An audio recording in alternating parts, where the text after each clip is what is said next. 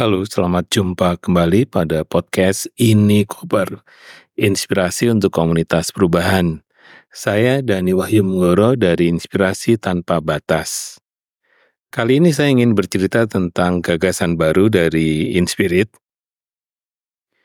Pada ulang tahun yang ke-22, Inspirit melaunching satu inisiatif yang namanya Akademi Kali Kajar Gagasan ini berangkat dari semangat ya dari kawan-kawan di Wonosobo. Dan kemudian beberapa waktu yang lalu saya ke Wonosobo kemudian bicara dengan Dina ya Dina Kusmawati Camat Kalikajar. Dina kebetulan juga alumni Vibrant Facilitation Training di Bali dan salah satu alumni yang paling aktif mencoba dan juga bereksperimentasi dengan vibrant facilitation khususnya menerjemahkan apa yang disebut dengan asset based community development. Kawan-kawan di Wonosobo sebenarnya ada banyak yang telah mengikuti training vibrant baik itu kader desa maupun para aparatur sipil negara. Idenya muncul sebenarnya tiba-tiba kemarin waktu mampir ya di satu desa Bowongso. Bowongso yang saya tahu adalah merek kopi atau terkenal dengan kopinya.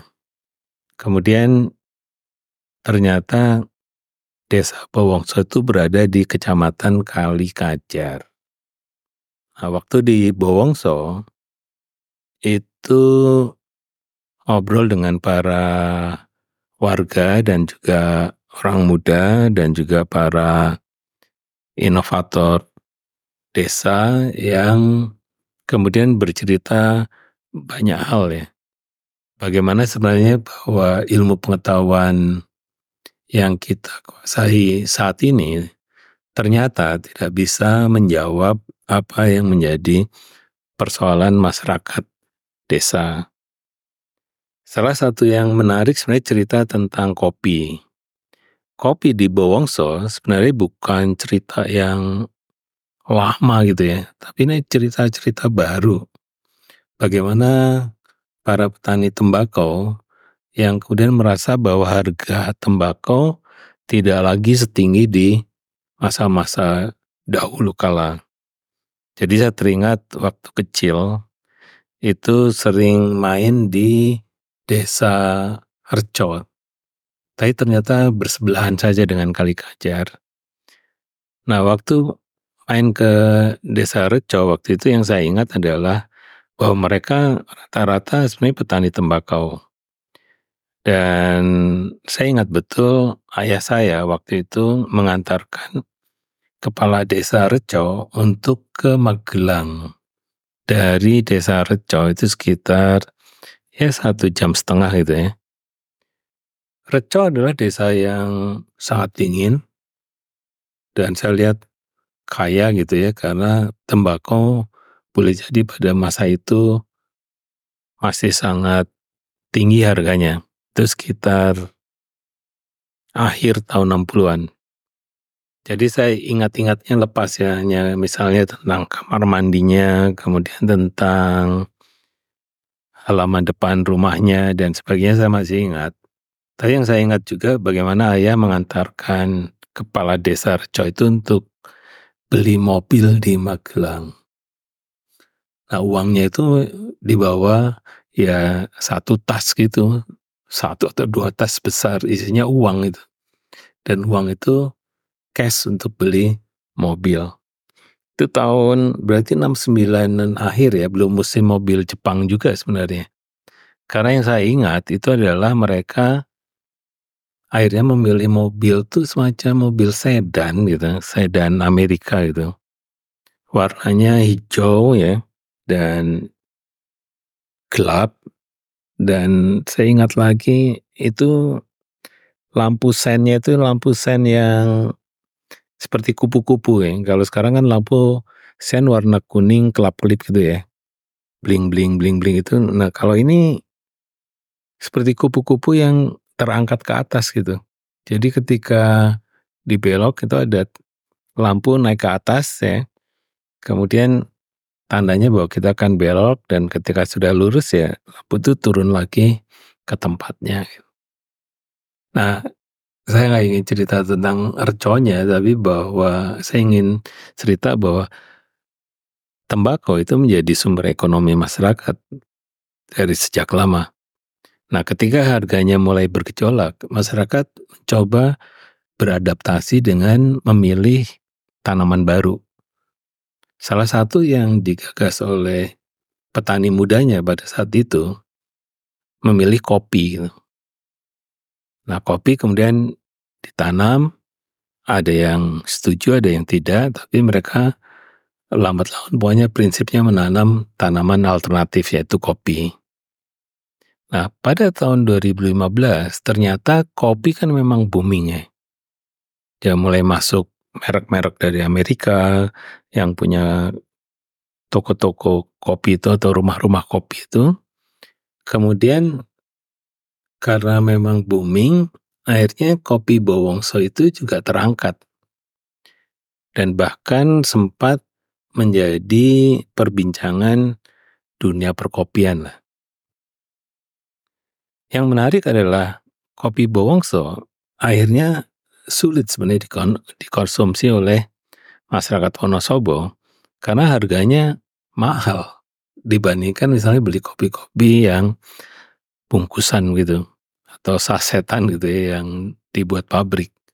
Jadi Bowongso yang punya pasar sendiri harganya tinggi dan sebaliknya bahwa masyarakat Wonosobo yang akan minum pun kadang ya di masa tertentu sempat kabarnya sekitar tiga bulan itu tidak bisa panen kopi akhirnya mereka hanya membuat kopi basisnya pada stok yang ada.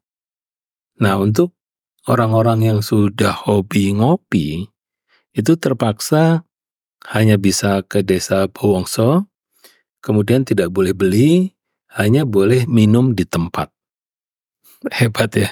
Itu saking mahalnya harga kopi. Nah cerita ini adalah cerita yang menarik bagaimana desa beradaptasi dengan situasi yang tidak pasti gitu. Dan bergejolak juga karena memang harganya fluktuatif. Kemudian yang kedua ada cerita tentang Patanjala. Patanjala itu saya terjemahkan ilmu sungai ya ilmu sungai kuno gitu dari masyarakat Sunda sebenarnya. Nah, yang diceritakan pada saat itu adalah bagaimana masyarakat Bowongso itu malu ya karena pada saat tamu banyak ke desa saat ingin sholat duhur itu mereka tidak bisa memperoleh air untuk wudhu. Padahal desa itu dingin satu, yang kedua dekat dengan hutan. Jadi lucu dan juga apa ya semacam paradoks gitu ya. Jadi di dekat sumber air tapi tidak ada air. Nah akhirnya mereka sebenarnya sudah mencoba untuk meminta bantuan ya kepada ilmuwan, kepada pemerintah, tapi tidak kunjung bisa ditemukan sumber air yang cukup untuk masyarakat. Akhirnya mereka melakukan susur sungai dengan kawan-kawan dari Patanjala itu dengan menggunakan berbagai apa pengetahuan-pengetahuan emak itu mereka belajar tentang kawah Gunung Sumbing karena Bowongso itu ada di dekat di lerengnya Sumbing dan kemudian mengukur apa pun itu yang sesuai dengan ilmu nenek moyang gitu. Dan akhirnya yang ajaib adalah bahwa setelah mereka melakukan susur sungai itu, mereka bisa menemukan 12 apa 12 ya. 21, 21 sumber air.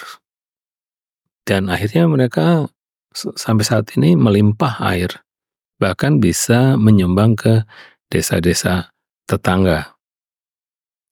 Dua cerita ini kemudian ditambah dengan cerita-cerita semangat dari Wonosobo, saya merasa terinspirasi gitu untuk melakukan sesuatu.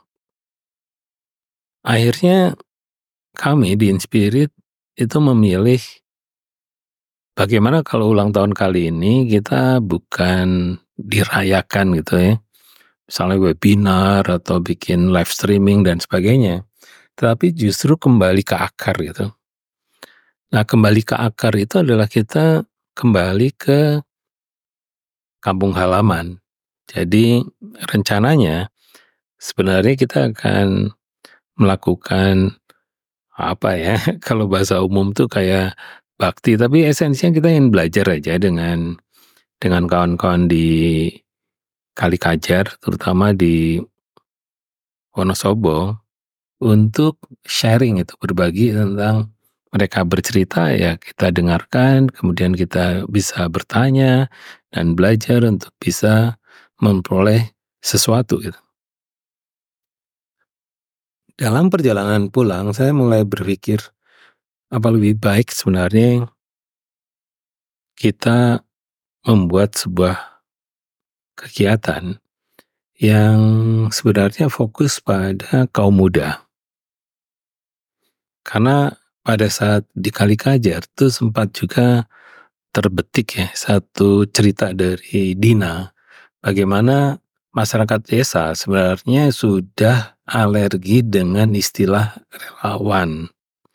Nah, padahal waktu awal ngobrol di Kali Kajar, saya justru ingin memperluas istilah relawan untuk bisa membantu untuk melindungi perempuan perempuan yang khususnya uh, kaum kaum marginal dan juga anak-anak yang kemudian kita ingin membangun gerakan relawan yang disebut dengan Sapa Epic gitu, sahabat perempuan anak untuk ekonomi, pendidikan, iklim, dan kesehatan.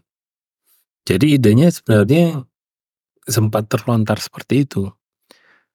Tetapi ketika mendengar cerita dari Dina, saya merasa kayaknya nggak cocok ya ide yang awal ditawarkan ke Kali Kajar gitu.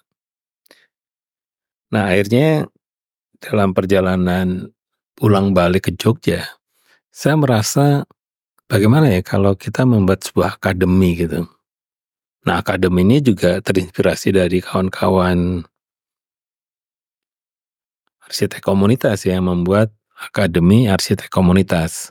Kebetulan ya saya diajak ngobrol lah bagaimana mereka akhirnya menemukan akar itu. Jadi akar itu adalah Akademi Arsitek Komunitas. Mereka sudah satu angkatan dan saya terlibat juga sebagai salah satu pengajar atau fasilitator ya. Nah, akademi sebenarnya yang saya telusuri itu sifatnya sebenarnya lebih rileks ya. Bagaimana kita belajar untuk tahu sesuatu gitu. Nah, cara belajarnya sebenarnya juga sederhana. Akademi biasanya kita menggunakan apa ya? Saya menemukan istilah namanya serambi atau selasar sebenarnya. Serambi atau selasar ini adalah apa? Saat ruang yang bukan ruang itu. Jadi sering tidak dianggap sebagai ruang formal gitu. Dia ruang informal gitu. Nah, ruang ini bisa berbagi fungsi untuk macam-macam gitu.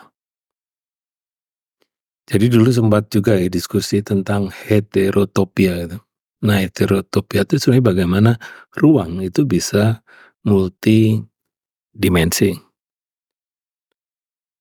Nah, karena ruang ini menjadi ruang-ruang yang sebenarnya di antara ruang yang formal, maka akademi menjadi suatu pilihan nama yang menarik bagi saya untuk bisa belajar sesuatu. Nah, kemudian saya di beberapa hari kemudian main ke Selasar Sunario di di Bandung gitu. Nah, ketika di sana saya mulai tertarik dengan kata selasar tadi. Saya cari arti, arti kata selasar, itu juga sama sebenarnya seperti akademi juga. Nah, yang menarik pada saat mempelajari kata selasar, saya juga mencari arti kata dari kali kajar gitu. Kali di dalam pengertian bahasa itu juga artinya sungai.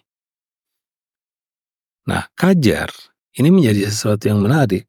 Ternyata kajar itu artinya adalah menangkap makna gitu, menangkap makna.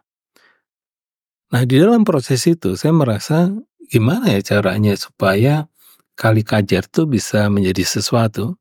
Jadi saya menangkapnya kali kajar bukan sebagai ruang atau kecamatan ya, tapi sebuah ya kali, kali kajar. Jadi dia sebenarnya sungai, tadi karena belajar dari Patanjala ya, ini sungai, sungai ini kan bisa ditafsirkan apa saja kan, bisa pengetahuan, bisa juga turbulensi, bagaimana mengatasi ketidakpastian, bagaimana respon halangan-halangan, bagaimana berinteraksi dengan hal-hal baru, dan juga bisa juga ambigu sebenarnya. Karena sungai itu airnya sendiri, ya, airnya sendiri sebenarnya akan mengalir ya sesuai dengan tujuannya gitu. Jadi meskipun dihalangi, dia tetap akan mencoba terus-menerus untuk bisa melampaui halangannya sehingga sampai ke tujuan akhirnya yaitu lautan lepas gitu. Yang di sana kemudian berulang menjadi hujan dan kemudian menjadi air sungai kembali juga gitu. Karena itu saya terkoneksi gitu dengan kata kali kajar karena sangat cocok dengan tadi bahwa kita harus belajar dari sungai, dari apa semacam nilai-nilai sungai gitu. Karena sungai itu adalah membawa air yang air sendiri sebenarnya tidak bisa diciptakan di dunia ini gitu. Jadi jumlah air di dunia itu ya tetap segitu dari penciptaannya dulu bahwa akan ada yang menjadi es, kemudian menjadi apa, menjadi awan dan sebagainya, itu adalah prosesnya. Tapi jumlah air itu tetap karena air itu ternyata hanya bisa diciptakan di luar angkasa sana gitu, dengan ledakan nuklir yang luar biasa gitu. Jadi tidak mungkin diciptakan di bumi gitu. Jadi dulu diciptakannya entah berantah di mana gitu, yang kemudian memang menjadi sumber sumbernya hidup gitu. Nah jadi menarik gitu tentang air, sungai, kemudian pada sisi lain saya juga masih ter, sedang tertarik tentang belajar masa depan. Gitu. Bahwa masa depan sebenarnya bukan sesuatu yang tunggal, tapi dia sifatnya majemuk gitu. Kalau ada seribu orang, maka ada seribu masa depan. Gitu. Dan masa depan itu ada ada masa depan yang diinginkan, ada masa depan yang mungkin atau bisa terjadi. Dan masa depan itu sifatnya imajinatif ya. Jadi dan dia intuitif. Jadi bukan sesuatu yang bisa dipegang gitu ya. Tapi dia sebuah imajinasi yang sifatnya sebenarnya mozaik. Jadi cocok sebenarnya dengan cara pandang saya bagaimana melihat masa depan itu adalah sebagai mozaik impian. Nah, dengan mosaik impian itu, kita bisa belajar bagaimana kemajemukan dan kelengkapan masa depan yang dibuka selebar-lebarnya, seluas-luasnya, sehingga kita bisa mengantisipasi bahwa masa depan itu karena tidak tunggal, ya kita harus punya anti, antisipasi yang juga tidak tunggal gitu untuk respon masa depan itu. Gitu. Karena itu Akademi Kali Kacar akhirnya menjadi akademi untuk berbagi masa depan. Nah, jadi tagline-nya Akademi Kali Kajar itu adalah berbagi masa depan. Nah, berbagi masa depan itu caranya adalah satu harus ada yang disebut shape. Yaitu masa depan itu harus dibentuk. Yang kedua adalah ada sure, Ya sure itu adalah harus yakin pada masa depan. Jadi shape sure ya harus diyakini yang akan dibentuk itu. Bisa itu personal, bisa juga kolektif. Nah yang ketiga, masa depan itu juga harus di-share. Ya, jadi tidak boleh pelit. Harus dibagi ke banyak orang. Nah, kalau masa depan itu dibagi, satu bisa membantu pemilik masa depan itu terbuka untuk mewujudkan atau menangkap masa depan itu menjadi upaya-upaya untuk diwujudkan. Tapi di sisi lain menginspirasi orang lain untuk bisa mewujudkan impian masa depan itu. Jadi masa depannya bukan tunggal gitu, tapi dia menjadi milik kolektif. Nah dengan cara ini harapannya desa-desa akan ada anak-anak muda yang punya perspektif masa depan yang lebih majemuk tadi, lebih lebar, lebih luas. Sehingga desa sebenarnya bisa memilih jalannya sendiri. Jadi ide dari Akademi Kali Kajar ini pada intinya adalah menjadi semacam kelas berbagi bagi Inspirit untuk memberikan secara gratis ya proses ini kepada pemuda dan pemudi desa di mana pun. Jadi dengan cara ini kita ingin merengkuh ya ribuan anak muda untuk sama-sama berbagi masa depan dengan kaum mudanya Inspirit. Dengan cara ini kita ingin semacam apa ya negosiasi ya kepada para klien kalau bisa memberikan tambahan satu hari kepada tim Inspirit kalau kita diminta ke satu daerah dan kita pengennya di daerah itu bisa mengundang anak muda untuk sama-sama melakukan proses belajar berbagi tentang masa depan. Nah itulah yang disebut dengan Akademi Kali Kajar. Ya jadi ini ide yang sangat keren menurut saya dan saya antusias juga untuk bisa berbagi dengan yang lain. Dengan harapan sebenarnya adalah bahwa ini menjadi sebuah proses ya berbagi sebenarnya. Ya berbagi, berbagi siapa pun bisa menjadi uh, akademi kali kajar ini. Jadi kali kajar ini bisa untuk siapa saja, siapa yang akan memberi tapi idenya itu kita menginginkan pengetahuan-pengetahuan itu disebar gitu. Jadi tidak harus berbayar, tapi mencoba memperluas peran-peran kita untuk membantu kaum muda itu menangkap masa depan.